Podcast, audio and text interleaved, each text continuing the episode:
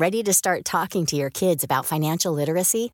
Meet Greenlight, the debit card and money app that teaches kids and teens how to earn, save, spend wisely, and invest with your guardrails in place. Parents can send instant money transfers, automate allowance, and more. Plus, keep an eye on spending with real time notifications.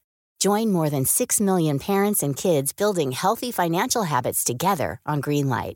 Get your first month free at greenlight.com slash ACAST. That's greenlight.com slash ACAST. Ryan Reynolds here from Mint Mobile. With the price of just about everything going up during inflation, we thought we'd bring our prices down. So to help us, we brought in a reverse auctioneer, which is apparently a thing.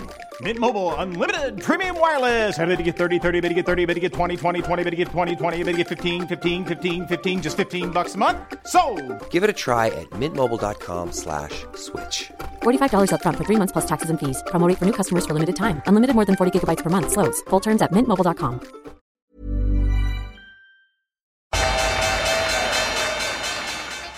They mistook leverage for genius. Leverage for genius. I would recommend Japan. The governments don't rule the world. Goldman Sachs rules the world. Velkommen til episode 96 av podkasten 'Tid er penger', en podkast med Peter Warren. Dagens tema er ganske åpenbart. Det har vært eh, eh, veldig volatile uker i forbindelse med enkeltaksjer i eh, USA.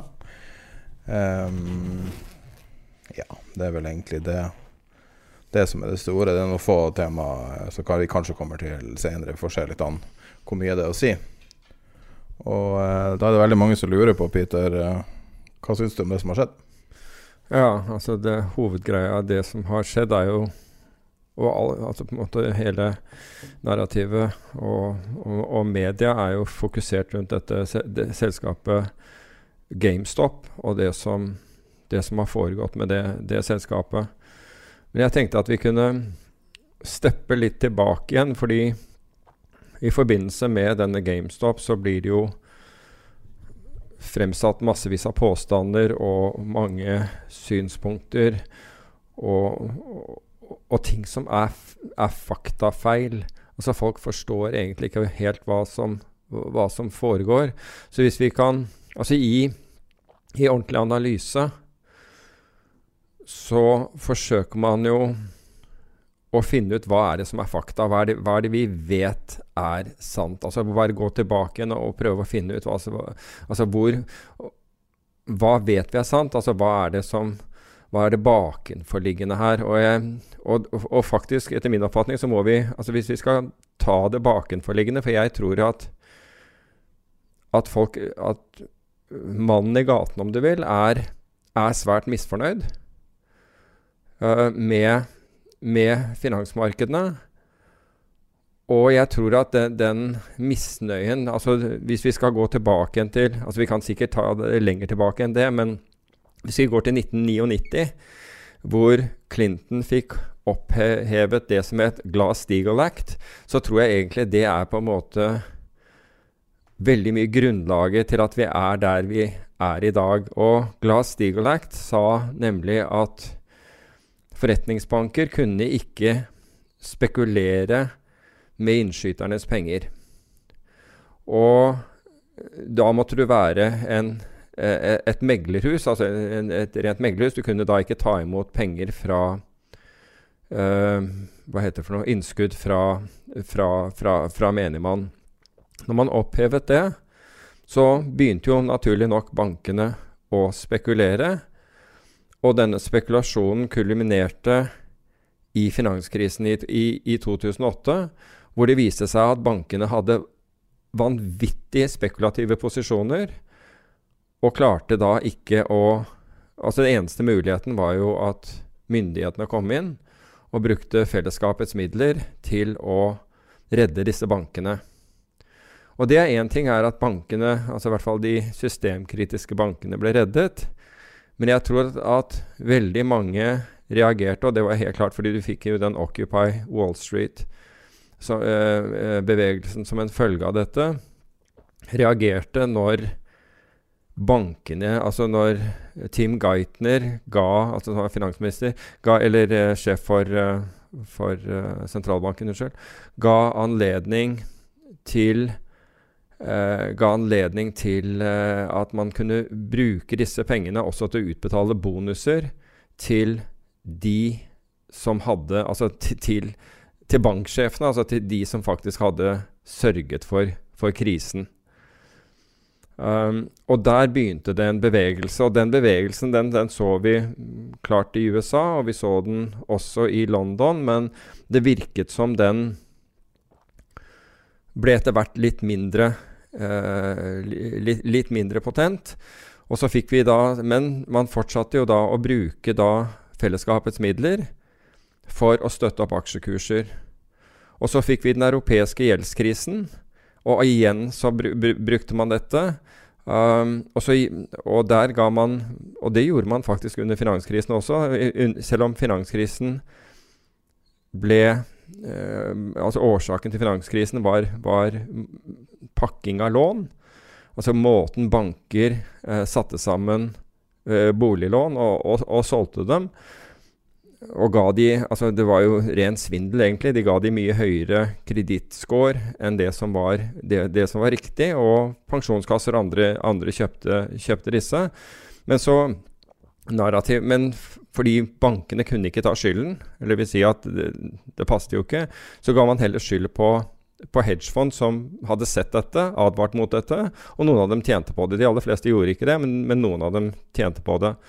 Så kom du til den europeiske gjeldskrisen, og den ble også varslet på forhånd av hedgefond. Men da gikk da de ledende politikerne, Christine Lagarde og Merkel, ut og sa at hedgefondene, hedgefondet, dette var ikke riktig, og hedgefondet bare eh, talte sin egen sak. For å så kollapset da Hellas og de andre landene. Og de måtte da, Den eneste som faktisk innrømmet at hun tok feil, var Christine Lagarde. Merkel aldri, eh, innrømmet aldri noe. Men så det var, det var, ikke som om man takket da de, de som hadde advart og, og, faktisk påpekt det som viste seg å være riktig. Man skulle straffe dem. Og da straffet man dem med økt regulering. Og så fikk man da dette narrativet. Og det, det gjelder faktisk i, i, dag. og Jeg tror vi snakket om det forrige gang eller gangen før. At det fortsatt er veldig negativitet forbundet med det. Vi hadde en lignende tilfelle i Norge, hvor NRK gikk ut da terrakrisen eh, inntraff hvor Terra hadde solgt da disse belånte obligasjonsproduktene, egentlig de samme boliglånsproduktene som, uh, som finanskrisen uh, besto av. De hadde de solgt til norske kommuner.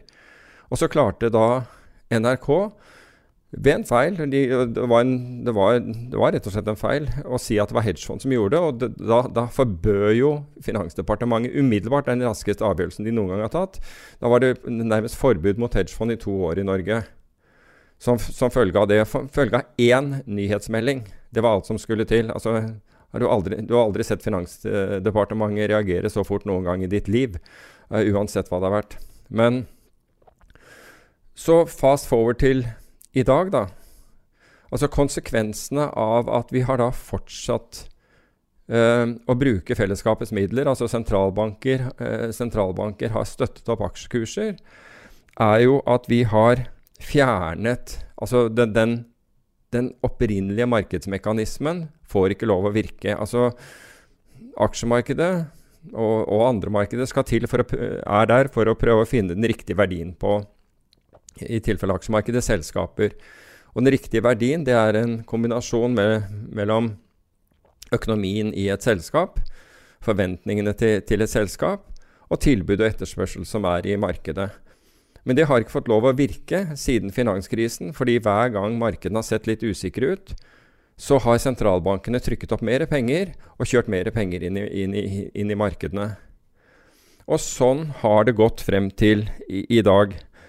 Og du kan si at i, dette tilfellet med, med, den aksjen GameStop, så er det shortselgere man vil til livs. Men og da glemmer man at shortselgere faktisk er en viktig funksjon i markedet. Shortselgere er der for at ikke kurser skal, skal fullstendig eh, eh, fraskilles virkelighet. Vi så det under dotcom-boomen hvor en rekke shortselgere uh, ble skadet ved at de, de, shortet disse selskapene, men det var en sånn hysteri etter, eh, og enorme forventninger til, til, selskapene. at de stadig måtte dekke seg inn igjen til, til høyere kurser. Og til slutt fikk vi en kollaps hvor, hvor, hvor markedet, altså teknologiselskaper, falt nærmere 90% som følge av dette. Og, og, det er ikke en ulik situasjon vi har i dag. Nå skal man shortselgerne til livs. Jeg, jeg sier ikke at alle shortselgere er, er, er, bra mennesker, men, de, men, funksjonen er viktig fordi den skal sørge for at det fins noe, noe, som holder igjen. Altså at noen er villig til å si at ja, men hør her, et selskap som, som ikke har som har, som har, en dårlig balanse, med andre ord ikke har noe, har, noe, noe, verdier, har veldig lite cash, taper penger hver eneste dag, skal, skal ha en pris på, på, på en, en, voldsom verdsettelse. Det er jo det den mekanismen er der for.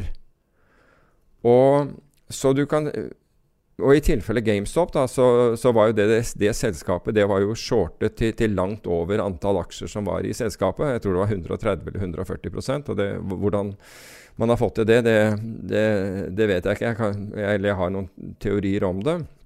Men, og, og, saken er at man kan godt targete shortselgere. Det blir en form for markedsmanipulasjon, men man, da har man på en måte ikke sett den verdien som de har ved å bremse sånn, altså hysteriske tilstander i, i, markedene. Og det er det shortselgere er der for. Det er egentlig å si at dette her er, dette henger ikke på greip. Dette selskapet er for høyt priset. Um, og Så kan man spole tilbake igjen og se, se, på hvordan det gikk med Tesla. Jeg tror Tesla er en, en, en del av dette her, nemlig at Elon Musk var jo kjempeflink til å til å, å portrettere alle shortselgere som som onde. Altså alle de som mente at Tesla ikke var, hadde, var verdt det som, som aksjekursen gjenspeilet, var, var, onde. Og han kjørte hardt på mot dem. Og vi har hatt lignende, lignende, tilfeller i Norge. Ikke det at man har kalt dem onde, men hvor man har liksom på en måte gått mot, uh, mot uh, shortselgere. Men Poenget her er at i utgangspunktet så har vi et marked, en markedsmekanisme som ikke fungerer som den skal. Og det har vi ikke hatt på veldig, veldig mange år. Nettopp av, av de, de, de, årsakene jeg, jeg nevnte med, med sentralbanker som, som, kommer inn. Og så tar vi bort en ytterligere Eh, del av markedsmekanismen, nemlig den som kan holde igjen, og, og, som på en måte kan gjøre ting litt mer edruelig. Altså Hadde det ikke vært for shortselgere, så altså, Ta f.eks. Enron. Der var det jo shortselgere som avdekket det. Wirecard var det shortselgere som avdekket svindelen der. Det var, det var, ikke noe andre. altså Andre ville jo kjørt dette eh, videre oppover til, til det sprakk på mye høyere nivåer. Så det som skjer, er at vi gradvis eh, svekker markedsmekanismen. Men de aller fleste bryr seg ikke, fordi tidebanene, og det har vært sentralbanken og fellesskapets penger, kommer inn og løfter alle båter. Og I forbindelse med det så er det også viktig å, å, å komme en ting til, og det, og, og det har med misnøyen å gjøre. Hvem er det som egentlig tjener på dette her? Jo, de som tjener på det, er formuende mennesker. De som har råd til å ha aksjeporteføljer eller, eller finansporteføljer. Og det velstandsgapet har økt kraftig. Og hvis vi ser Altså i fjor så var 17% av amerikanere altså Det er helt utrolig eh, tall, egentlig. Vet ikke hvor de skal få sitt neste måltid fra. Um, I annet halvår var det ytterligere 8 millioner amerikanere som falt under fattigdomsgrensen. Og dette skjer mens aksjemarkedet går til ny, ny all time high. Og det boomer i aksjer, og alle innen finans er, er lykkelige. Så at det finnes en grasrotbevegelse som er skikkelig misfornøyd, altså Black Lives Matter, du, du kan ta mange, eh, mange ek eksempler, det er ikke noe tvil om. Og så i dette tilfellet så har da noen og kanskje ved, ved, ved, en tilfeldighet, altså som da bruker sosiale medier veldig effektivt, klart å få dratt med seg veldig mange på, på sitt narrativ. At nå skal, vi, nå skal vi ta de onde, og i, i dette tilfellet så er de onde shortselgere. Og da har jo da først og fremst en, en plattform, uh, en uh, som egentlig er, altså det er et meglerforetak, Robin Hood. Og ved hjelp av noe som heter Wall Street Bets og, og, og Reddit klart å fyre opp folk helt ekstremt. Um, og du kan kanskje forklare litt, fordi du er mye mer up to date med Reddit og, uh, enn det jeg er, og for så vidt også Wall Street Bet og, og, og Robin Hood, som jeg aldri har brukt. Um, men, komme, men, så kan jeg komme tilbake igjen og, og supplere på, på, på, disse. Ja, nei, det, er en spesiell uh, situasjon. Men, men, egentlig så er ikke det her så veldig nytt, da. Jeg tror at før vi uh, ser på liksom hva som har skjedd, så bare uh, tenk på hva det her egentlig er for noe. For her, man, man, får inntrykk av at det her er veldig nytt. Da. Men det er jo egentlig bare en corner. At man har corner av markedet på veldig spesifikke produkter. Mm. Um, og så skal jeg bare se hvor um, hvor gammel Altså hva er den første corneren? Når var det skjedde? For det skjedde veldig mye tidlig på 1900-tallet. I uh, futures-markedet, blant annet. Mm -hmm der enkeltpersoner manipulerte prisen på ymse ting, opp og ned.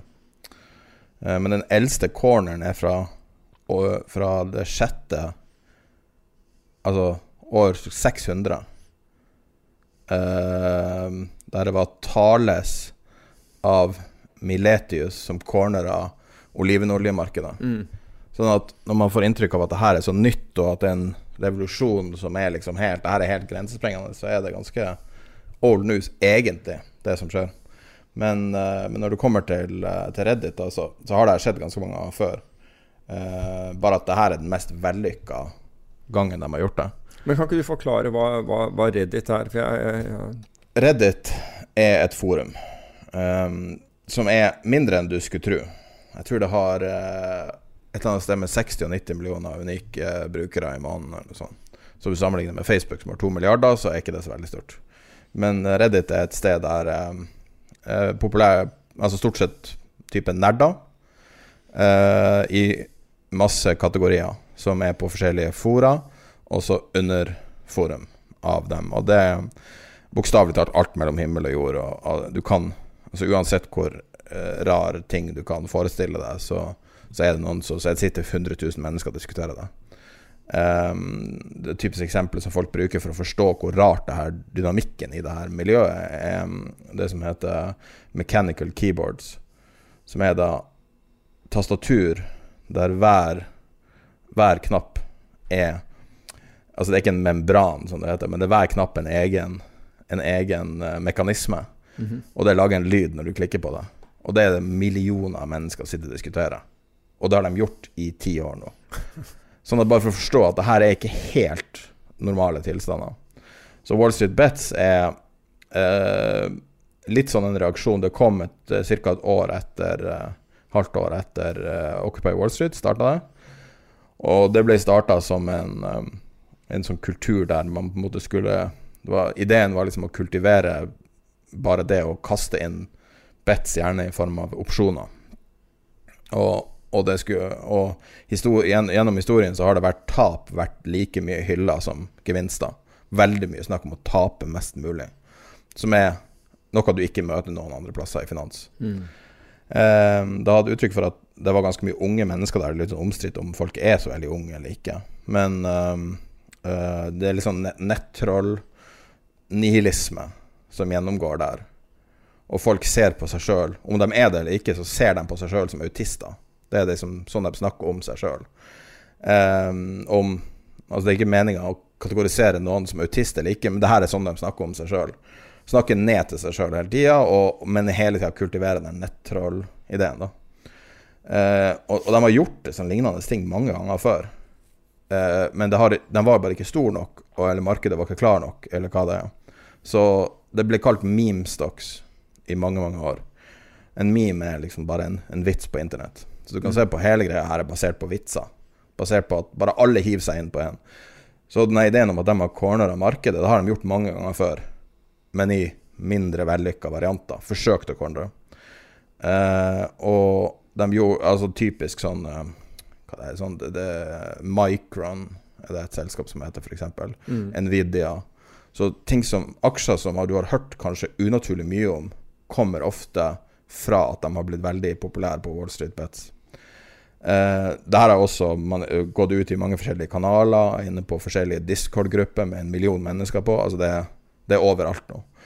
Uh, og når Robin Hood kom, så ble det her liksom bare De ble en veldig naturlig bedfellow med Wall It Bets. Da. Så det er stort sett det eneste plattformen folk bruker. Uh, jeg tror de fleste har hørt om han karen som står bak det her, da. Det er en Jeg tror han er økonomiutdanna, noen og 20 år, eh, som begynte i 2018 å skrive om, om GameStop. Eh, og han hadde en ganske kurant analyse av det. Eh, en av de tingene han Eller det var mange mange, mange ting han trakk fram. Han lagde en analyse som han Han lagde mange analyser, men han hadde en som han publiserte for ca. et år siden. Og Um, og det var basert på at han Etter hvert begynte han å, å, å se på at det å, å, aktivere en short squeeze uh, Hvis en sånn her type aksje stiger f.eks. 50% og du har 130 uh, av, av utstedte aksjer som er uh, utlånt til shortsalg, så er det naturlig at du lett kan framprovosere tvangssalg. Eller tvangsinndekking, mener du? Ja. ja. ja. Og, og han satt han, Det som var I likhet med veldig mange andre publiserte han alle sine posisjoner.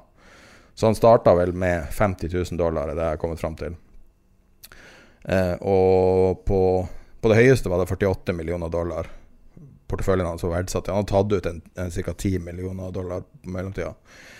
Um, og han har gjort det her gjennom aksjer Sist jeg så, så han 50 000 aksjer og 500 opsjoner med strike på 12 dollar. Så de her er jo åpenbart verdt veldig mye. Uh, men når man ser på det her, da, så, så tror jeg at, uh, at det, det, virker på meg som nesten sånn, sånn fake revolusjon. Altså um, Jeg har faktisk slitt litt med denne episoden for, i forkant av det, for jeg visste ikke helt hva jeg skulle si for noe. For det har vært så til de grader eh, gjennomanalysert av folk som ikke vet hva de snakker om, over hele internett. Og milliardærer fra Silicon Valley har gått amok med ordbruken sin. Og de sier rett ut 'jeg vet ikke helt hva jeg snakker om', men jeg leste meg litt opp på det. Og så sitter de der og foreleser til Greit at jeg er enig med at CNBC-vertene fortjener kjeft, og de er forferdelige mennesker. De er forferdelige mennesker. Men kanskje ikke de forvalterne er så ille. Men men det er liksom den her skråsikkerheten som har vært overalt. da. Og den skråsikkerheten er definitivt stor på Wall Street Beds, da, men uh, Så jeg tror det er noe Det er akkurat som om man ser revolusjoner på TV, og så har man også lyst til å være revolusjonær. Og så kler man seg ut som en revolusjonær, og så springer man opp til Capitol-bygninga. Så plutselig står du inne i Kongressen, mm. og så har du gjort kanskje treason. Og det her er litt sånn Jeg føler at det er litt sånn samme bane, bare at det er enda mindre det er enda mindre um, ærefullt, det de driver med. Det er bare en corner. Ja, altså det er, en, det er opp, opplagt en, en corner, men, men, jeg tenker jo at, liksom, at, det er Altså det er grunnlag til misnøye. Den grunnlaget til misnøye er, er, um, er velstandsgapet. Um, og når du ser velstandsgapet og på en måte studerer det så, altså du kunne, Som jeg, jeg, tror jeg har sagt en gang før, du kunne ha lyst til å bli sosialist av mindre. fordi det henger ikke på greip hvorfor man man pusher penger på, uh, på, på, på, de som ikke trenger det uh, i det hele tatt. Og Hvis jeg skal ta et norsk eksempel, så må det jo være den, den, det siste tiltaket. Og som jeg ikke tror regjeringen hadde i sin villeste fantasi skulle slå ut som de gjorde, altså overfor oljenæringen med, med, med skattelettelse, hvor Lundin bruker altså De håper jo da altså Det regjeringens Eh, ønske, og det de sikkert er blitt innbilt, er at dette vil sørge for mer aktivitet og flere arbeidsplasser. Og så, med, og, og så svarer Lundin med, med, å øke utbyttet isteden. Um, altså det er så uh, lite melodiøst at det er, at det er insane, syns jeg, når, når, du, når, du, leser noe sånt noe. Men, men, nå er jo ikke altså, Nå skal vi dra dette tilbake igjen, i hvert fall til USA, og, eller i hvert fall verden utenfor Norge. Um, Altså jeg tror jo at, at bitcoin jo, var, var, kanskje en av de første delene av denne, denne, revolusjonen. Folk er ikke interessert i at sentralbanker skal bare trykke penger og, og Altså, i fjor så økte dollarmengden med 25 det, er helt voldsomt. Altså, og de andre landene, altså hvis du ser Japan, Europa og alt mulig sånn, så lå, lå de et eller annet sted mellom mellom 12 og 15 i, i, altså hvor de økte rett og slett eh, eh, pengemengden sin. Um, jeg tror folk ønsker å ta litt mer tak i ting, så jeg, jeg, jeg forstår bakgrunnen for det som skjer. Altså Når jeg leser at altså Du nevnte uh, Robin Hood, som, det, det, som er en uh, megler, hvor, en megler hvor du ikke betaler kurtasje. Men Robin Hood tjener pengene sine på å selge, den, selge ordrene dine til en marketmaker, eller til flere marketmakere, bl.a. Citadel. Um, og så Når vi da først snakker om dette her altså Citadel tjener voldsomt på det som skjer nå. Uh, altså, hvis vi går tilbake igjen Jeg må, må nesten spole, spole, litt tilbake igjen. For en konsekvens da av finanskrisen var jo at uh, myndighetene nektet bankene å drive noen som helst form for egenhandel etterpå, marketmaking. Og du kan si at det forstår jeg, fordi man spekulerte på samfunnets midler. Men man tenkte ikke på overgangsordninger, og man tenkte heller ikke på hva er det som da kommer til å skje. Og det som, det som da skjedde, var at istedenfor å ha aktører som hadde hadde dype nok lommer til å ta posisjoner på egne bøker, så endte du opp med high frequency-tradere. De raskeste, altså det, øh, øh, disse som bruker algoritmer og ultraraske øh, datamaskiner til å stille priser, og de sitter ikke på inventar. Til å begynne med så ga altså Tenk deg en sånn ting som at New York-børsen ga Altså hvis du betalte nok, så fikk du anledning til å se ordrene som kom inn i markedet før andre. Så en håndfull aktører fikk da betal, altså betalte da for å kunne se ordre før andre i markedet. Så det, dette, dette, denne illusjonen om at børser er der for å skape et fair and orderly market, altså den ble i hvert fall gruset grundig med den. Nå ble jo det, dette oppdaget, og så sluttet man med, eh, med det. Men isteden så kjøper da sånne Citadel altså Jeg har ikke noe mot Citadel i, i, det hele tatt, som er en marketmaker. De kjøper da ordreflow fra fra, uh, fra f.eks. Robin Hood. Men det gjør, gjør nettopp at de ser ordrene som kommer. De ser den mengden, og de velger om de skal gå imot, eller om de skal ta andre priser i markedet. Selvfølgelig, de går imot hvis de mener at denne, her, eh, de mener at denne ordren her vil de tjene penger på. Og så, ut, og så treffer de markedet med, med ordren dersom de, dersom eh, de mener at uh, denne her kommer de ikke til å tjene penger på. Men der sitter en aktør som kan velge om de vil utføre ordren eller ikke, eller om de skal sende den videre til markedet. Og bare den kunnskapen om det gjør jo at disse selskapene altså, har gratis inntekter. Og de er ikke villige til å bli sittende på inventar. Med andre ord, altså hvis, de, hvis du selger dem aksjer, så blir ikke de sittende på en, eh, disse aksjene annet enn i, i, i, millisekunder. Det kan være at de må sitte i noen sekunder, men altså, det er sjelden. Stort sett så er det ut. altså Det er the hot potato game å bli kvitt. Mens vi er inne på Citadel USAs nye finansminister, Janet Yellen, mottok da i de siste to årene 700 000 dollar for å, å, å for ha gitt eh, eh fra Citadel for, eh, eh, for, for, å ha holdt foredrag. Altså hun får 6 millioner kroner.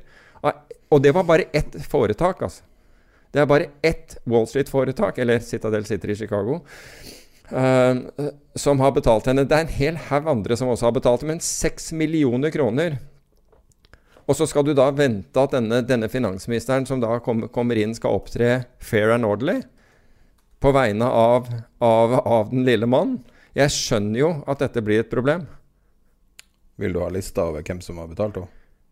Ja, hvis du sitter på den, så. Den er ganske lang, da. Å ja. Du kan jo ta de, de, de største. Det er 200 millioner kroner.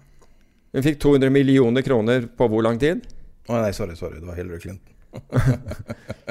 Her er jeg, Janet Yellen. Uh, den delen Det er ikke summert opp med det noe lignende størrelsesorden, men det er veldig mange. UBS, Wealth West Alle er som 100 000-200 000 dollar. ING, PwC, City National Bank, Structured Finance Industry Group, Standard Chartered Bank, City and Trust Credit Suisse, Texas Christian University betalte 135 000 dollar. Wow. Uh, BNP Paribas, uh, Pimco, uh, Bank of America, Barclays, Citadel.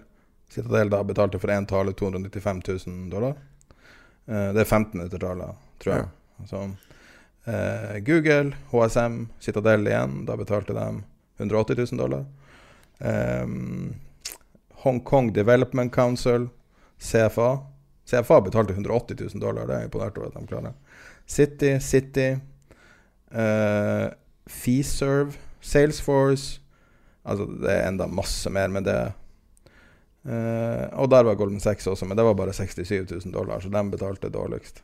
Mm. Um, det er um, Det er ganske mye. Altså, de, de, I de- 19 og 20, altså der var jeg på to år. Ja, nettopp. Og du, du kan jo liksom jeg, jeg skjønner jo de som Altså, jeg, jeg skjønner den misnøyen mot, som er mot finans. Og, og poenget mitt er at jeg tror at det er en, at det er en sånn grasrotbevegelse som nå har fått nok. Og så fyres dette her da opp via disse plattformene eh, som, som du nevner. Og problemet er jo at en del av det de gjør, er, er blatantly ulovlig. da, fordi du har ikke altså, Og spesielt nå, eh, den, den aller siste, som er, er sølvmarkedet. Der er det i hvert fall veldig strenge regler mot, eh, mot uh, cornering. Og der har man visst blitt oppfordret da, til å, å mm, gå inn i et, et fond, eh, et, en ETF som heter SILV, som bare sitter på, eh, på sølv. Slik at de må kjøpe seg opp og kjøpe seg opp og kjøpe seg opp.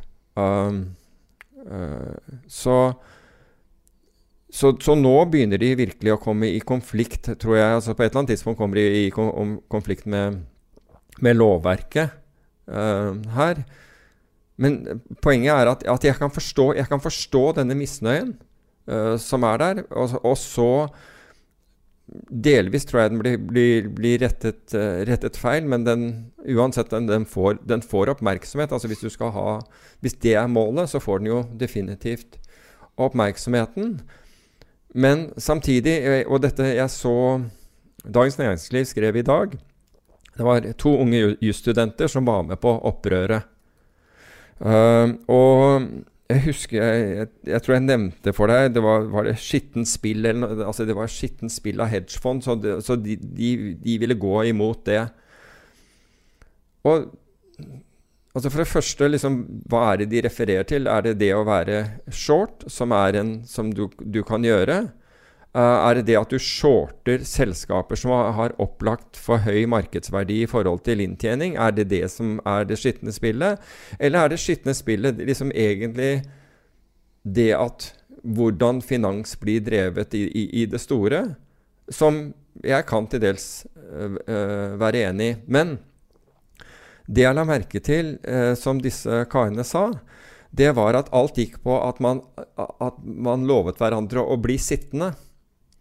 Så du kan si at hvis du kjøper noe som, som omtrent ikke har verdi, og du, er, og du kjører den prisen til himmels, så, er, så har man liksom et sånt internt løfte blant alle disse her eh, angivelig, at man skal bli sittende. Det kan jeg garantere deg ikke kommer til å skje. Jeg kan garantere deg at det kommer til å slå sprekker, og når det slår sprekker, så kollapser det tilbake igjen. Fordi det har ingen verdi. Det er keiserens nye klær. Så, så hvis du er drevet av ideologi om at du skal endre verden og forbedre verden med det du gjør her, så tror jeg du kommer til å bli ekstremt skuffet, for jeg tror ikke at, at den gjengen kommer til å være tro til annet enn sine Altså, noen gjør det helt sikkert, men de kommer til å sitte igjen med svarteper. Andre, altså, her er det snakk om marginhandel. Her er det snakk om at man har lånt penger for å kjøpe disse, disse aksjene. Ikke bare det, men du kan få en, en situasjon som vi fikk på torsdag, hvor dette svinger så mye at den som klerer, altså den som foretar oppgjørsfunksjonen, forlanger mer penger. For dette svinger så mye, og den, balansen av aksjer som bl.a. Robin Hood hadde, var nå så høy at de er nødt til å, at kapitalkravet deres øker. Og de, det kapitalkravet, det, det, har du bare noen timer på å innbetale. Hva du syns du om at uh, Robin Hood clearer seg sjøl? Ja ja, hva tenker du på at de kler seg selv? I 2018 bytta de fra Apex, som er anerkjent stort clearingselskap, til uh, Robinhood Clearing. Ja, altså hvis du, skal, hvis du skal gjøre det, altså da er du et clearing-medlem, som det heter. Um, som veldig mange, mange, er. Altså da må du Du må jo stille ganske mye kapital uansett, fordi du er ikke self Altså du er, du er et clearing-medlem. Men du kan si du får allikevel et, et voldsomt kapitalkrav. Altså stiger eh, den åpne balansen av posisjoner som du har, altså via kundene dine, så må du putte opp mer penger. Og for Robin Hoods del så var det 7,25 milliard dollar eh, på torsdag som måtte innbetales. Og eh, jeg vet at man da Da var det voldsomt trykk hvor det, da, da falt jo også GameStop uh, kraftig. Jeg tror den falt fra 483 og ned til 120 eller et eller annet sånt uh, på, på, det verste. Hvor, man, hvor uh, Robin Hood, men også andre, andre plattformer, nektet, nektet handel i disse selskapene.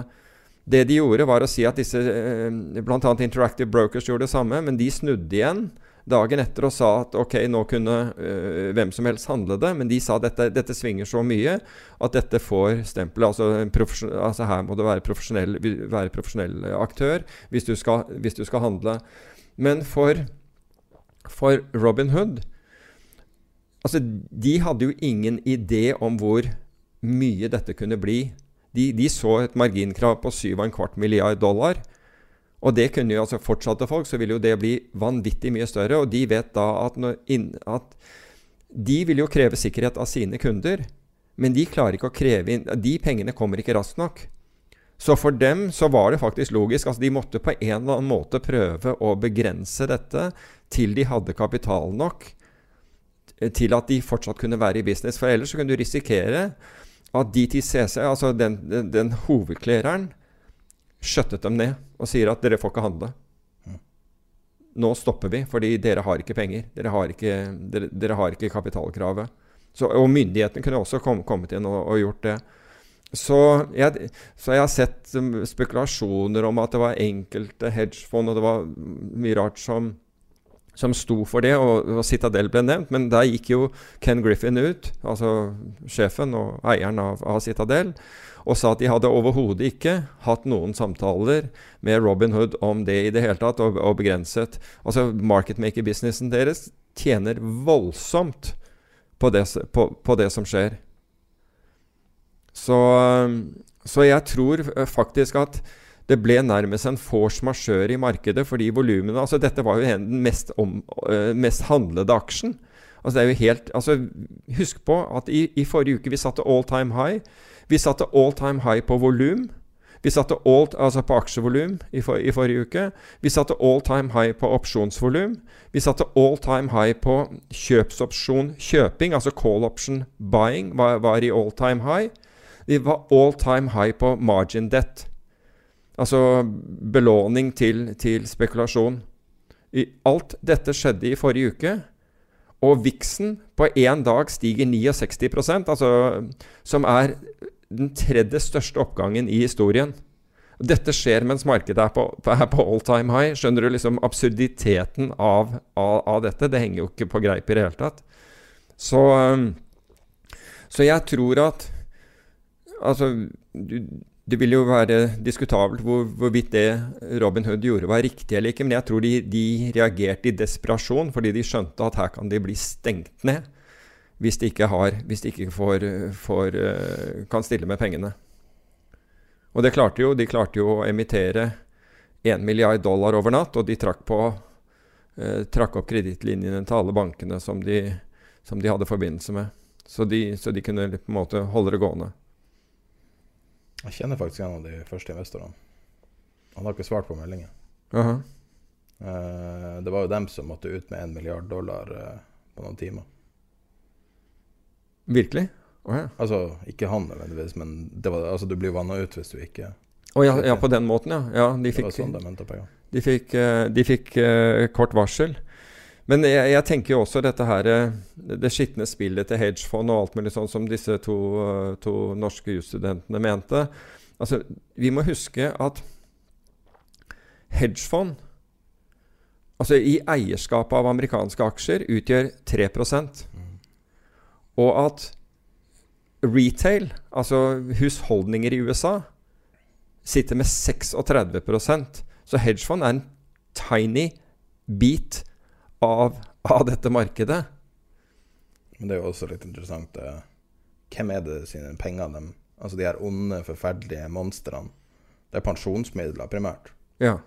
Så når du driver og skal ta og ta og sitte og være jusstudent på BI og si at nå skal du gå i krig med, med hedgefond, så går du i krig med pensjonist, framtidige pensjonister. ja, det er pensjonister, det er stiftelsesmidler, det er Lykke til, gratulerer. Og fantastisk ærefull oppdrag. Ja, så... du setter deg litt inn i Jeg, jeg så en eh, artikkel eh, eh, som var henvist til i en av de her kanalene, fra Wall Street Journal. Og så hadde journalisten forsøkt å ha det litt artig med ingressen. Så sa han et eller annet eh, Hvis Wall Street klarer å stå imot eh, The Barbarians at the Gate Altså på engelsk, selvfølgelig. Mm. Eh, og så sier folk de kaller oss barbarer. Og så bare Altså Det, det illustrerer jo bare altså det, den kanskje topp fem mest kjente finansboka noensinne, eller næringslivsboka noensinne skrevet, 'Bahrains at the Gate'. ja. Og det er bare det, Det at var- altså, Hvis du skal snakke om at det her altså, Jane du, Abisco, var det ikke det?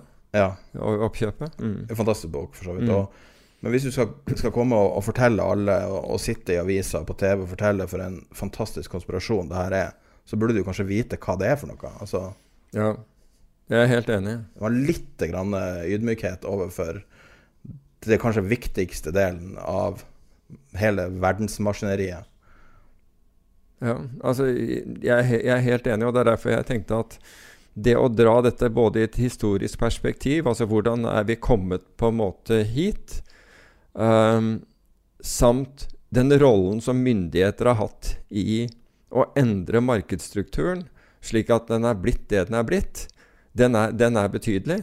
Når det gjelder da så, er, så går, er alt dette rundt Melvin, da, altså dette hedgefondet Eh, Mel Melvin, som ble da startet av av eh, en av forvalterne, eller en av traderne til, eh, eh, til, til SAC Capital. Um, eh, og Gay Plonkin. Og, og du kan si at han var visst en utrolig dyktig forvalter. Og har da Men hvorfor posisjonen ble så stor som den ble i Melvin, det vet jeg ikke. Men øh, om han da ja, altså Jeg tror at én ting som, som også som myndighetene har lært oss, og, og Hva heter det? Inadvertently? Uh, altså, i, altså ikke, ikke egentlig med vilje, men som er blitt en konsekvens det er jo at, at det, er ikke noe, det er ikke noe risiko i finansmarkedene lenger. ikke sant? Blir, altså Hver gang markedene faller, så kommer sentralbanken inn, og folk tror ikke at det er noe risiko. Og Det betyr at når du først har det inne, uh, så, så, tror du jo ikke at det er noe risiko for noe. Og, det, og jeg, for meg så virker det jo som han rett og slett reagerte for sent. Når, når, og du kan si at hvis det er en kurs som er altfor høy i forhold til hva et selskap er verdt, blir enda høyere, så er det jo selvfølgelig veldig fristende å selge mer. Fordi det, altså hvis, hvis, altså hvis selskapet egentlig er verdt 1 dollar, og det handler på la oss si 30, og, og så stiger det til Så stiger det plutselig opp til 100, så tenker du at, at dette er jo gull verdt. Altså her, her selger jeg i hvert fall på 100. Den er, den er fortsatt ikke verdt mer enn 1. Og så tar det av fra 100, ikke sant? og så plutselig så får du et stort problem. Og de måtte jo ha Altså han var jo ned det, Melvin var ned 53% i januar. Altså falt 53 i, i, i januar. Um, og er nå, de, er nå, de er vel nå 8 milliarder dollar stort, og det er etter at Ken Griffin og, og Steve Cohn som var hans tidligere arbeidsgiver, skjøt inn 2,75 millioner, tror jeg. Do, milliarder, unnskyld, dollar. Så de har jo fortsatt tro på han, det, det skal de ha. Men Altså det er ikke det, Jeg, jeg, jeg syns ikke noe, noe, synd på han, fordi du er nødt til å kontrollere, kontrollere risikoen din, og ting kan skje uansett. Men jeg tror altså mye er en konsekvens av at folk ikke har måttet ta måttet, må, måtte håndtere risiko på utrolig lenge. Og disse som nå hiver seg inn, og jeg så bl.a. på vår egen Discord-kanal, eh, hvor, liksom, hvor, hvor, man spurte eh, er det for sent å, å gå inn i GameStop nå. Og, og, du tenker at dette selskapet altså, altså, Det er opsjoner helt opp til 820 dollar, tror jeg. CME spiller en rolle i denne saken. her At de fortsetter å prise opsjoner. CBOE, mener du? Ja. ja CBOE. Uh, ja, altså du kan si at uh, Altså de, had, de, hadde jo 60 dollar streik. Og så utstedte man 115 dollar streik. ikke sant? Og før du aner ordet av det, så, så, hyler det videre oppover. Jeg tror ikke det var tilfeldig for øvrig at den kom ned mot 100 i, uh, var, det, var det i løpet av torsdagen. Altså fra 483 og ned til, ned til 100, fordi den var veldig nær den ene streiken der nede. Så jeg tenker at det var, det var nok av de som, som, var, var, som hadde, hadde på en måte blødd på vei oppover der som, som, trengte å få tilbake enten opsjonene sine eller, eh, eller, aksjene. Men i forbindelse med dette så er det et annet uttrykk som har kommet veldig mye ut, og det er gamma squeeze. Og bare for å forklare hva en gamma squeeze er For jeg er ikke overbevist om at den gamma squeezen er for øvrig så stor som, som, man hevder, men det er også en av de tingene man bruker. Hvis, hvis du antar at en kurs på, på en aksje er 100, og du har en opsjon med en innløsningskurs på 100. Seg, la oss si at det er en kjøpsopsjon. For Pga. matematikken rundt dette her, og at vi ikke vet noe annet, så vil du si at det er 50 eh, røftlig 50% sannsynlighet for at denne aksjen stiger, og 50% sannsynlighet for at den faller. Fordi du sier at markedet priser ting. Stort sett priser markedet ting riktig. Det er det vi kaller en normal fordeling.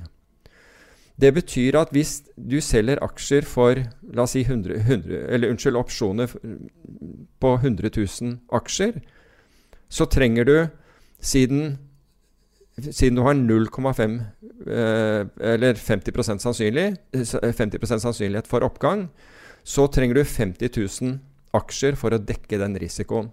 Så i det øyeblikket du gjør handelen ut, eh, Noen kjøper 100 000 eh, altså opsjoner på 100 000 aksjer av meg, så kjøper jeg 50 000 aksjer for å dekke det. Det som nå skjer, er at hvis den kursen stiger, så stiger også sannsynligheten for at denne opsjonen vil være verdt noe ved forfall. Så hvis f.eks. den kursen stiger til 75, så er sannsynligheten for at, Unnskyld, hvis den stiger til, uh, til, 150, la oss si at den stiger til 150, så er det vesentlig større sjanse for at den er verdt noe ved forfall enn den var på 100. Med andre ord må jeg kjøpe flere aksjer for å dekke den, den risikoen. Og stiger den til 300, så må jeg kjøpe stadig flere, helt inntil jeg har kjøpt hele antallet som, som jeg er forpliktet til å Eh, til å selge fordi jeg har utstedt den, denne opsjonen. Um, så gammaskvis er da med andre ord at den som har utstedt den, altså marketmakeren om du vil, må stadig kjøpe flere aksjer etter hvert som det går, går oppover. Og hvis dette bråsnur da nedover, så får vedkommende samme problem. Men det forutsetter også at denne marketmakeren ikke kjøper opsjoner selv. For hvis han, Det er det vi kaller konveksitet når, når, dette skjer. Altså om du har positiv eller negativ konveksitet. Hvis du har utstedt opsjoner, så har du negativ konveksitet, nemlig du må kjøpe mer etter hvert som det stiger. Hvis, du, hvis du, den som er, har kjøpt opsjonen, har positiv konveksitet, han blir mer og mer long det, det mer, mer uh, aksjen, uh, aksjen stiger. Men greia er at man ikke tar hensyn til her, er at mange av disse dealerne, de, altså marketmakerne i opsjoner, om de, kjøper, om de kjøper det antall aksjer akkurat der og da, det første de kommer til å lete etter, er å få seg selv konveks, konveksitet. For det følger du hele tiden med på. At du har en form for konveksitet fordi du er livredd for akkurat den, den type situasjon. Så ja, det fins nok gamma squeeze der ute av folk som har bare utstedt disse opsjonene. For øvrig var volatiliteten da vi sluttet på fredag, den var på 740 på, på februarforfallet. og 430, tror jeg, på, på, på Mars-forfallet. Mens en av de andre aksjene som har gått veldig mye i den senere tiden, hadde 1000% volatilitet. Dvs. Si at man forventer svingninger på over 60% per dag. Det er en normalsvingning på aksjen. Altså Når ting svinger med 60% hver dag, det er, det er, langt fra normalt, for å, si det, for å si det på den måten. Men det er det som, som refereres til når man snakker om gammaskvis. Det er at de som har utstedt opsjoner, hvis de bare har kjøpt aksjer, uh, må jage etter dem. Uh, når, når, jeg var marketmaker i, i valutaopsjoner, så får du alltid deltaen. Med andre ord, hvis du, noen kjøper, uh, kjøper opsjonen av deg, så må de gi deg den, uh, den deltaen. Så hvis noen kjøpte f.eks. Uh, opsjoner på 25 millioner euro mot, mot dollar av meg, og, og, det var en 50 delta-opsjon, så fikk jeg 12,5 million euro av, av, vedkommende i, i, i valuta. En for øvrig, en som var veldig bra og alltid var ordentlig når det gjaldt sånt, det var Jan Petter Sissener når, når, jeg var marketmaker i, i uh, aksjeopsjoner. Han gjorde gjerne store volum, men han ville alltid gi, han forsto det problemet og ville alltid gi deg den deltaen. Altså han, han var, vi diskuterte prisen på opsjonen, og så ville han gi deg den der deltaen i form av, av, av aksjer, så du hadde den der og da. Istedenfor alle de som prøvde å lure og, hadde, og, skulle kjøpe mye mer enn det de sa. Han var den som sa hvor mye han skulle ha, og gjorde dealen. Så han var utrolig ryddig uh, på den måten. Men gamma-skvis er, er, det at du må jage etter kursen. Og det, du kan si at Så en vanlig shortselger han er ikke gamma-skvis, men han er definitivt i en profit and loss-skvis og en margin-skvis. Og det er mer disse tingene. Og dette kommer til å skje. Dette kan jeg garantere deg kommer til å skje, er at, er at sikkerhetsmarginene kommer til å gå Altså når, når, ting svinger så mye som de gjør, så er sikkerhetsmarginen måten å få, demp, for, å få dempet spekulasjonen på. Så det er det som kommer til å bli det om, om megleren din setter den opp, eller om clearinghuset setter den opp, spiller ingen rolle, men det er det som kommer til å være effekten av det. Om, hvis DTC, DTCC setter den, altså clearinghuset setter den opp, og megleren ikke gjør det, så er det på meglerens ansvar. Altså overfor deg. Men det er måten dette blir dempet på. Så hvis du, hvis du sitter på en long posisjon i uh, Altså hvis du sitter long uh, en belånt posisjon i f.eks. GameStop, da, eh, stopp, så, så kan du forvente at du får et økt, økt sikkerhetskrav. Det må du forvente at du, at du, får. Hvis du eier aksjen 100% altså med andre ord du har betalt den, så vil du selvfølgelig ikke få noe marginkrav. Apropos margin. Jeg er bare inne på Robin Hoods hjemmeside og ser på kontoene deres. Um, og Det er jo lett å skjønne hvordan det kan skje når du får en frenzy. Uh, når du starter en konto, så får du noe som heter Robin Hood Instant. Som betyr at du har Det er default-kontoen, en margin account. eh, som betyr at du kan handle med mm. belåning. I tillegg så kan du handle øyeblikkelig uten at pengene må prosesseres inn på kontoen. Opptil 1000 dollar. Eh, wow. Og hvis du setter det litt sånn i, i uh, liksom opp mot de her um, stimulisjekkene som har gått ut nå to ganger i år, eller to ganger de siste tolv månedene i USA Først på var det 1200 dollar, og nå på 600 dollar. Så er det angivelig har en, ganske stor andel av dem gått inn i Robin Hood-kontoer.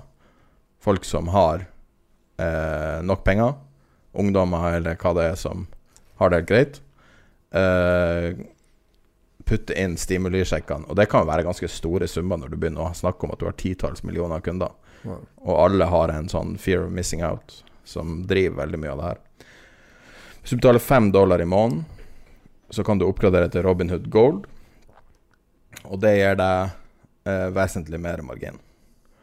Og der Og margin er belåning, ikke sant? Ja, belåning. Mm. Men de fleste som handler på Robinhood, ut fra det jeg har inntrykk av, handler i opsjoner. Eh, som er da en form for belåning, kan man si. Ja, men da betaler du for opsjonen. Ja.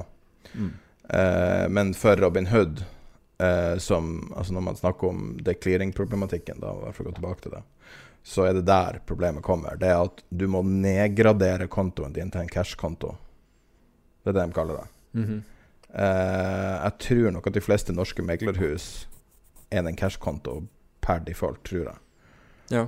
Um, nå har jeg ikke sett på alle sine prosedyrer, men det, jeg har inntrykk av at det er sånn i Norge. Mens um, de fleste amerikanske meglerhus så er det en eller annen form for marginkonto. Da begynner man å skjønne hvorfor uh, de må bremse ned salget. Mm. Pga. at du har uh, Jeg skrev en blogg om det. At det er en litt sånn delay i systemet for å få cleara. Nettopp. Og um, Eh, og hvis du har da to dager, og ting går opp og ned 60% om dagen, så kan du være konkurs på dag to. Stengt ned. Ja, ja, absolutt. Så um, det er bare, bare, interessant å se hvor, hvor frivolous det her har blitt håndtert. Men når det gjelder de folkene som hyler og skriker, og det skal jo, de planlegger jo en enorm class action lawsuit mot, uh, mot GameStop Nei, mot, uh, mot Robin Hood. Uh, masse tusener av folk som har signa opp på den allerede. Men tror du, tror du, den blir noe av når de åpnet opp igjen allikevel? Jeg vet ikke. Uh, men det, de, det, trues noe med det, i hvert fall. Mm. Og um, uh, også hvis du da ser på den kritikken Robin Hood har fått i så mange år, der så mange folk har advart mot akkurat det som skjer nå. Dette er folk som ikke vet hva de driver med. Robin Hood har en veldig, veldig uerfaren ledelse fortsatt. Det er kun Silicon Valley-folk som jobber i det selskapet, tilsynelatende. Mm. Det er ikke folk med ekte markedserfaring som har vært med på en storm før. Og da er det ikke så veldig rart at man ender opp som man ender opp.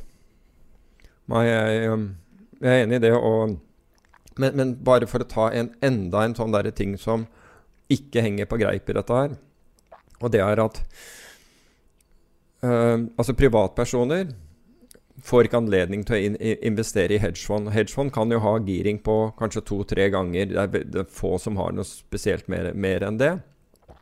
Men, men det er, og, og, de er regulerte. ok? Men der setter myndighetene grenser. Nei, for det passer ikke for privatpersoner. Men den samme privatpersonen kan gå til et meglerhus eller bank og få ti ganger eller og opptil 50 ganger belåning for å gå og kjøpe enkeltaksjer eller andre, andre finansaktiva, det er fullt tillatt. Det henger jo ikke på greip i det hele tatt. Og Det er også en, en sånn ting som kom etter finanskrisen, da, da, hvor man skulle hevne seg på hedgefond. Altså fra, fra myndighetenes side. Og så har man da kommet med Laget et beist. Og vi har jo et godt eksempel på det, og det, det eksempelet fra, er fra i dag. Fordi på slutten av, av, eh, av uh, forrige uke så begynte jo disse uh, Skal jeg kalle de Reddit eller Wall Street Bet-folkene. og da, hadde, da, begynte de å targete sølv. Da var det pga. at det var så mye shortsalg i, i, i, sølv at de skulle gå løs på det. Nå skulle de ta alle som var short sølv. sølv. første jeg sjekket, var om det stemte eller ikke. Og rapporten fra fra det amerikanske kredittilsynet viser tvert imot at de fleste spekulanter er long eh, sølv og ikke short. De som er short sølv, er, er, industrien, altså produsenter av sølv. Altså de som, de, som sølv, de som, sitter på fysisk sølv, de hadde shortet det. Så det, er, det ene er at på en måte narrativet deres ikke stemmer. Men sølvprisen stiger i forrige uke. Men takket være dette kjøret her, så åpner den opp 6 i, i, i natt og stiger til 12% Altså den, på, på, det høyeste var den opp 12 Da kommer det norske meglerhuset. Da sier, får man telefon, og dette gjelder ikke meg, men dette, dette er uh, lyttere som har gjort meg oppmerksom på. Da får de telefon enten fra Nordea eller fra Nornett om at de må stenge sølvposisjonene sine fordi de har kjøpt et Nordea-produkt som har tolv ganger giring på sølv. Det produktet er opp 120 fra, fra fredag til, til, til, i dag. Og her får de beskjed om å komme seg ut, at dette produktet blir stengt. Jeg kan lese opp den meldinga de sendte til kunden. Hei, ref. telefonsamtale. Prøvde å ringe, men kom ikke gjennom. Produktet vi pratet om er satt i buyback-mode av marketmaker grunnet for høy volatilitet og underliggende. Det er derfor det kun er mulig å selge seg ut. Selger man seg ikke ut, så vil restverdien bli utbetalt på konto, og dette kan bli om et par uker. Ja, så her er det strukturerte produkter solgt av banker som gir deg tolv ganger giring på sølv. Og når det, da, når det da blir litt vanskelig for den banken å, å håndtere posisjonen sin, så bare stenger de, altså så bare stenger de ute alle kundene og, og, og nedlegger produktet. Tolv ganger giring. Men har du lest hele prospektet? Nei, jeg leste de- den flyeren. Ja. Altså, det her er jo Altså, det er Altså, det, det, det lyser risikoalarm på Ja, hele og det gjør det. Den, den har den høyeste graden av risiko, for all del. Det. Men i den flyeren står det ingenting om, om at, eh, at eh, dersom, eh, dersom ikke Nordea klarer å håndtere sin egen risiko, så, så har de rett til å, til å terminere produktet. Det, det kommer ikke frem av flyeren.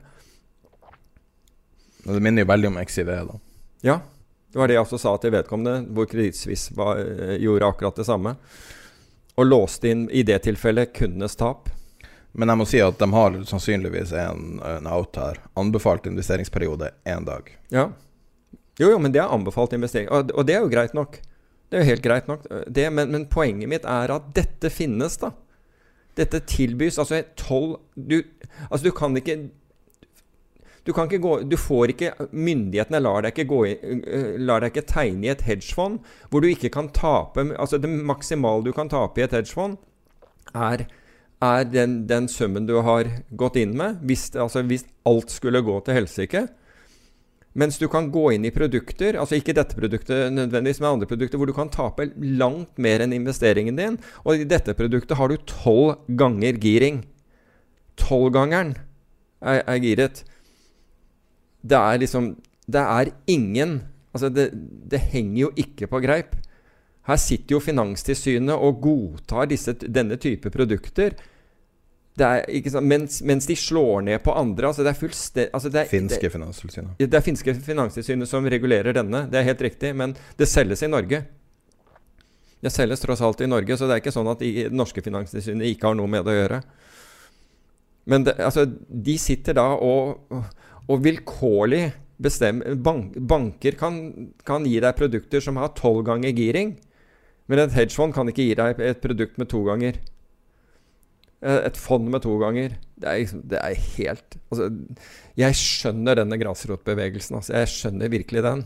Men jeg vet også at hvis de kjører på sånn som de gjør nå, så kommer det der til å ende i tårer. Fordi de driver og, og, og Ikke nødvendigvis med sølv, men sølv kommer, der, der kommer man til å støte på, på mye strengere regler enn, enn man har i aksjemarkedet når det gjelder cornering. Altså. Så øh, der kommer man mye raskere til å, til å få et problem, tror jeg. Ja, nei, det er en Det er en anspent situasjon. Det er en voldsom an anspent situasjon. Men uh, Jeg ser bare på Jeg bare leser kjapt gjennom uh, Gjennom beskrivelsen. Eh, og en av de tingene de trekker fram, er jo at det her er for erfarne investorer. ja. Jeg prøver ikke å forsvare det i det hele tatt. Selvfølgelig er det her et bullshit-produkt. Altså, det er altså alle sånne her produkter er det. Mm. Når du har noe med gange tolv i navnet, så sier det seg jo sjøl at det er laga for å, at du skal bli stoppa ut Mm. og tape alt. Det er jo nesten en bucket shop. Hvis, de ikke, altså hvis det viser seg at de ikke hedger i markedet, så er det jo nesten som å drive en bucket shop. Ja. Fordi at hele poenget med en bucket shop er jo å la folk gire så mye som mulig, for du vet at folk generelt taper penger. Og da taper de alt. Ja. Men, men, men du kan si at hvis vi skal prøve å kon konkludere med noe her, da Så vil jeg jo si at Altså ved ved å angripe shortselgere spesielt, altså, og det gjør man ikke akkurat Ja, det er det man forsøker å gjøre i, i, i sølv. Så bidrar det jo til at markedsmekanismen virker enda dårligere enn den, den, ha, den har gjort nå de, de, de siste ti årene. Fordi du får ikke noen som på en måte bremser hys hysteri. Eh, Så du Det er, det er ikke en det, si, den, den konklusjonen er ikke bra for markedet. Det andre er at kapital blir, blir nå feilallokert, ikke sant? Istedenfor at kapital allokeres til bedrifter som har inntjening, eh, som viser gode resultater, um, som har lav gjeld, som betaler utbytte osv., så, videre, så blir den nå allokert til luftslott. Pengene liksom, går utelukkende til å drive opp luftslott. Og det blir storleken ut av. Altså Resultatet av det blir en form for, uh, form for uh, storlek. Og når musikken stopper, altså den som ikke har satt seg da, den blir taperen.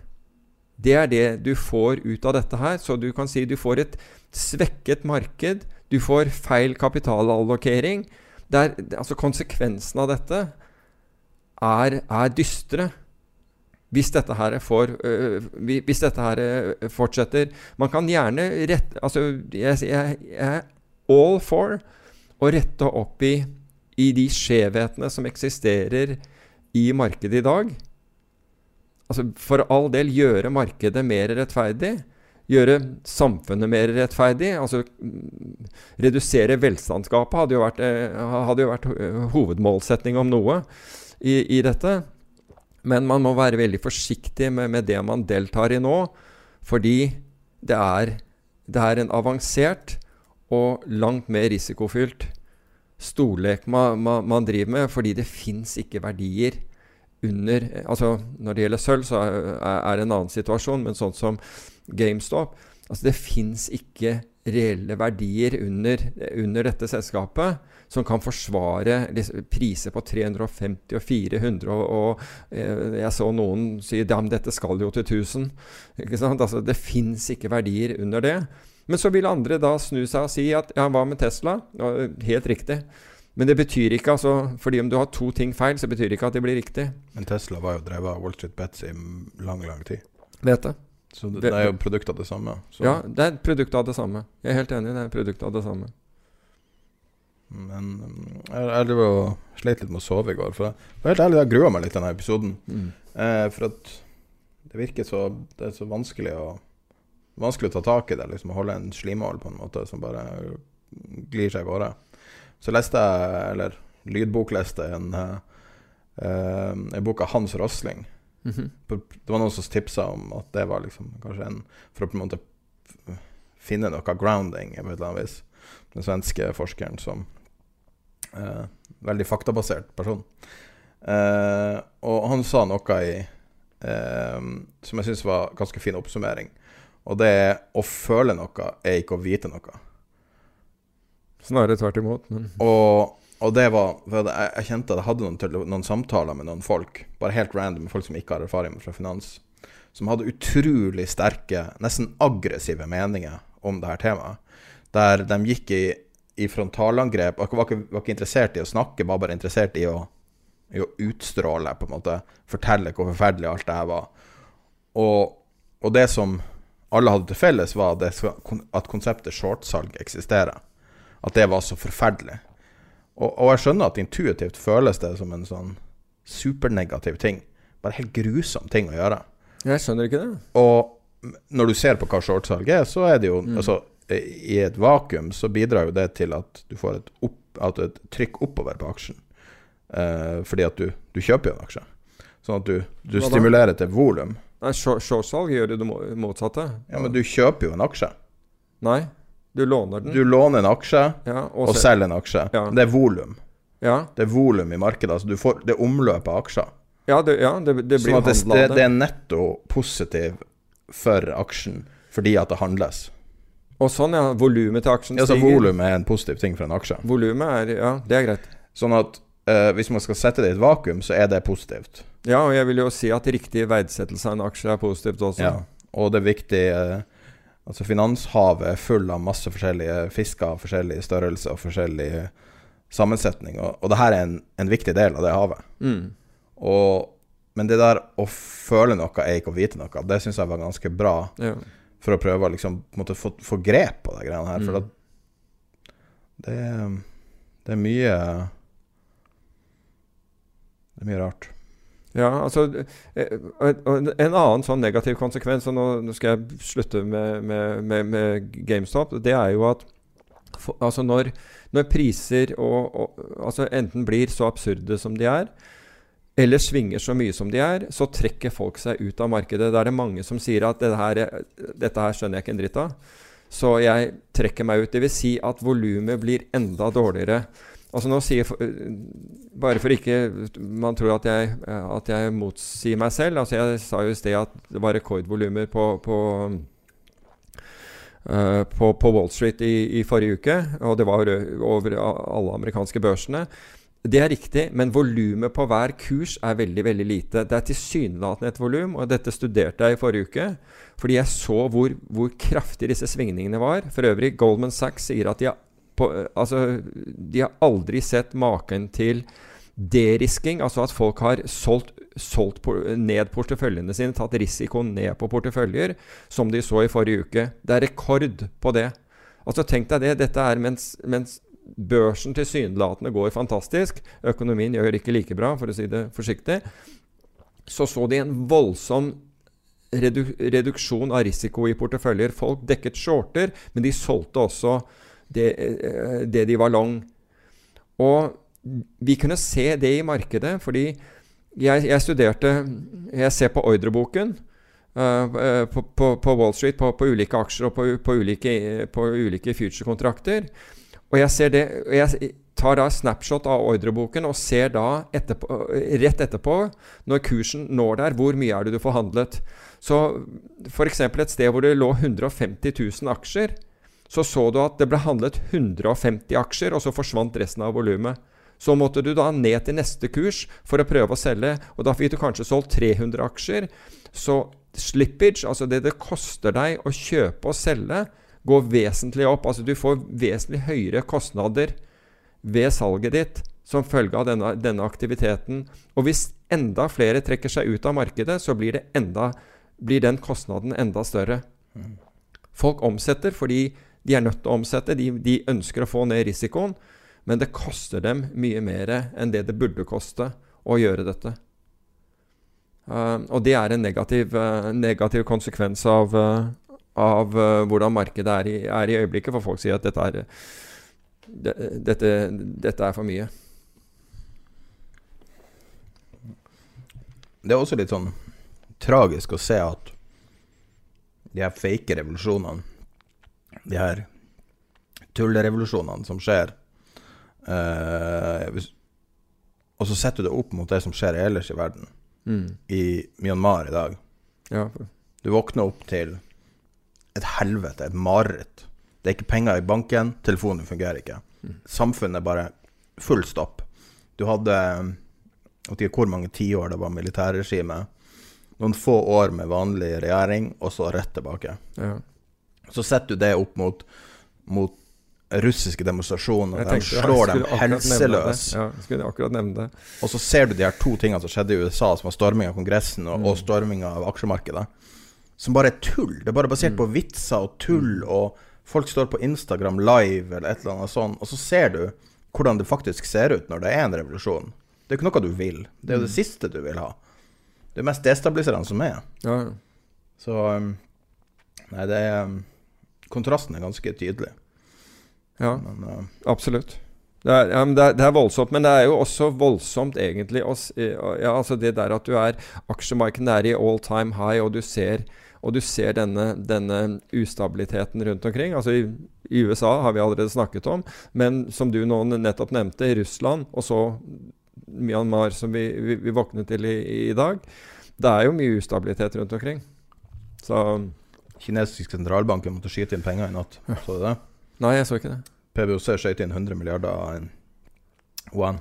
Det var jeg ikke klar over. Men jeg, jeg så jo at markedene åpnet jo umiddelbart ned eh, ved, ved, midnatt norsk tid. Ja. Og så hadde det tatt seg opp igjen eh, innen, innen Oslo Børs uh, åpnet.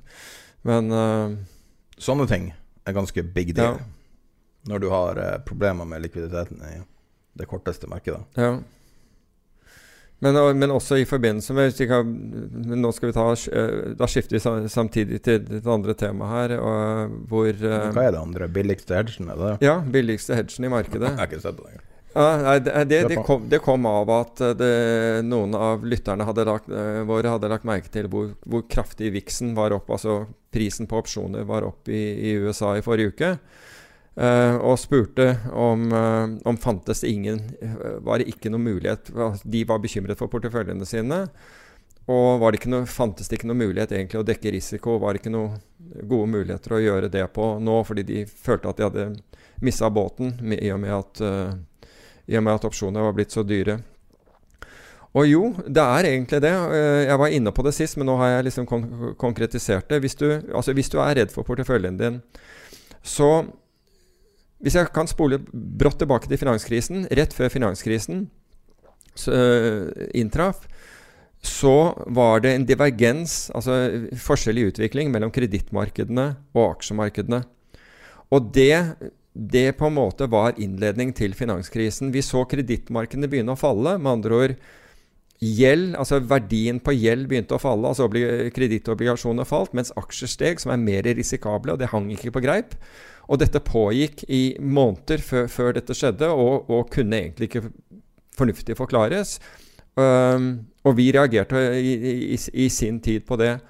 Nå har du en lignende situasjon, men den er, den er på en måte omvendt.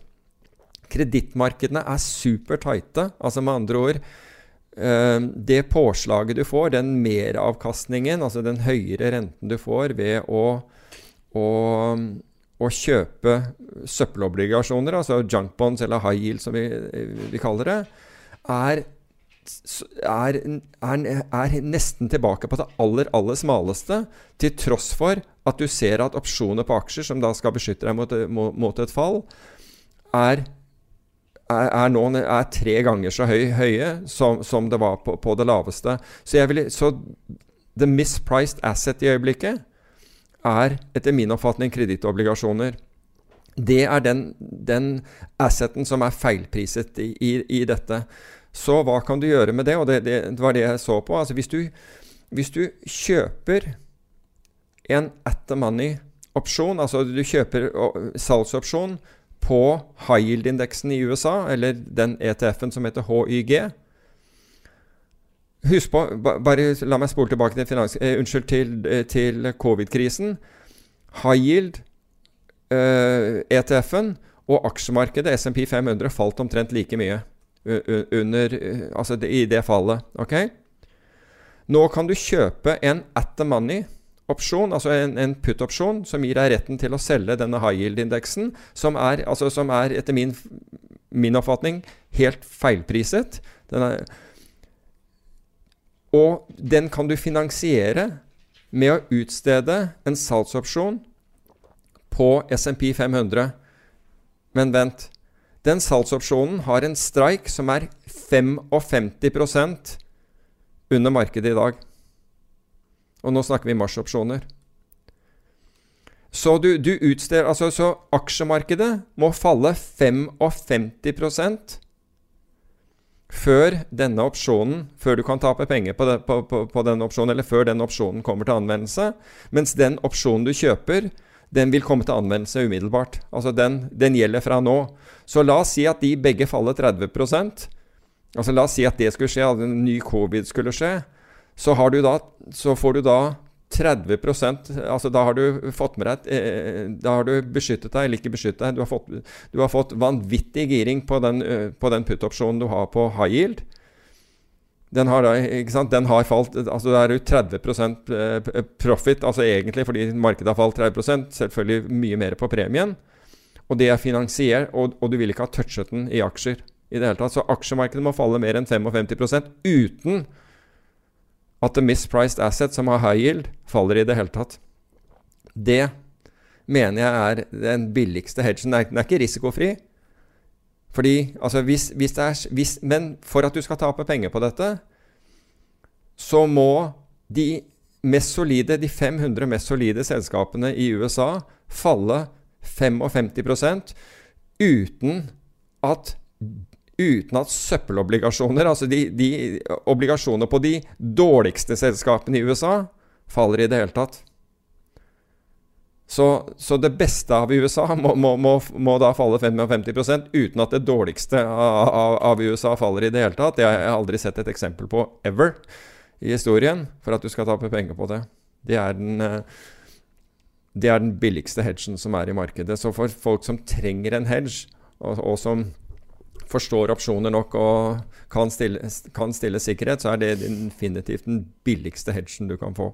Hvis du først skal ha en billig en. Mm. Da har du gitt en gavepakning til alle meglere. Ringer rundt og forteller sin egen idé.